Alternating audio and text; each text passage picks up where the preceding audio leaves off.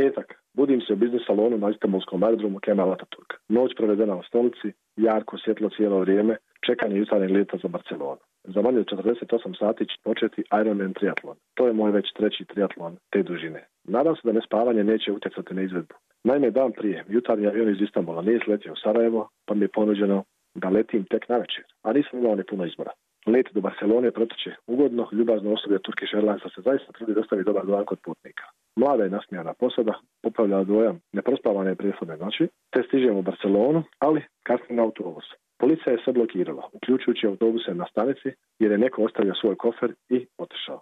Španjolska policija je nakon 45 minuta uništila kofer, te smo konačno krenuli pravac Kalelje, malog gradića na obali 60 km sjeverno od Barcelone.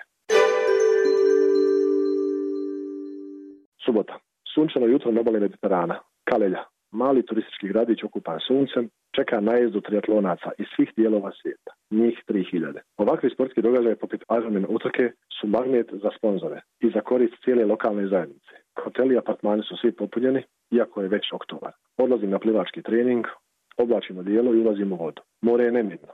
Plivam nekih 30 minuta, te odlazim do apartmana po biciklu.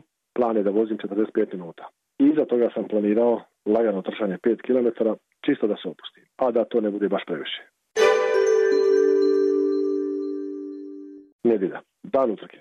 6 sati ujutro, kiša lije kao iz kabla. More je nemirno, valovi su visine do 3 metra.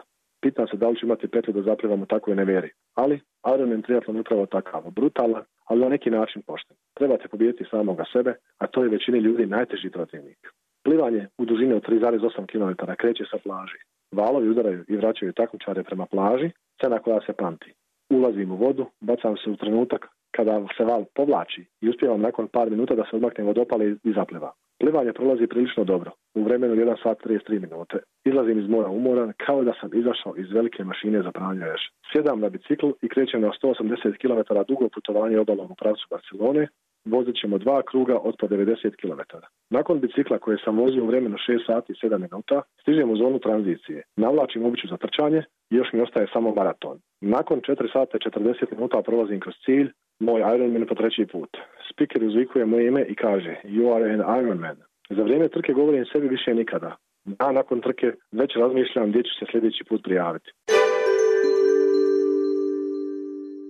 Ponedjeljak. Dolazak na Barcelona aerodrom, let za Istanbul je 11.20, gledam na sat, tek je 8 ujutro. Polijetanje, dolazak na Istanbulski aerodrom, 3 sata do leta za Sarajevo. Otvaram laptop i pišem predavanje za konferenciju u Ljubljani koja će se održati u srijedu gdje sam pozvan kao gost predavač. Za razliku od odlaska, ovaj put u povratku sve ide dobro i polijećemo za Sarajevo u predviđenom vremenu. Dolazak kasno najveće kući, sklapanje bicikla i ostale opreme koju sam nosio. Vrijeme je za počinak. Sutra me čeka vožnja do Ljubljane. Utorak. Cijeli dan protiče u žurbi i sastancima. I tako sve do 16 sati kada polazim za Ljubljanu. U Ljubljanu stižem u kasnim satima, nešto malo prije ponoći, te idem spavati jer me sutra čeka konferencija i povratak u Sarajevo. Još uvijek osjećam umor letova prethodnog dana i takmičenja u nedelju, ali sam zadovoljan svim učinjenim i to mi daje dodatnu energiju. Srijeda. Pregledavam još jednom prezentaciju. Pravim male izmjene i polazim. Predavanje je proteklo izvrsno, bilo je više od 150 učesnika, a aplauz na kraju mi daje za pravo da mislim da sam uradio dobar posao i opravdao poziv organizator. Po završetku se pozdravljam sa domaćinima. Sjedam u auto i polazim za Sarajevo. Kada sam putujem, onda uglavnom slušam radio te pokušavam da pronađem neke zanimljive emisije koje mi drže koncentraciju. U vožnji ću provesti narednih 7 sati. Put protiče odlično, nema guže na granicama. U Sarajevo stiže malo poslije ponoći. Osjećam umor i iscrpljenost, san mi je definitivno potreba. Četvrtak. Dan je ispunjen obavezama i sastancima, ali se raduje jer sam isplanirao u kasnim poslijepodnevnim satima otići u saunu, opuštanje u sauni. Me svaki put iznova oduševi. Tursko kupatilo, hladan tuš. Finska sauna, hladan tuš. I tako u krug. Dolazim kući oko 10 sati na jer vrijeme je za spavanje.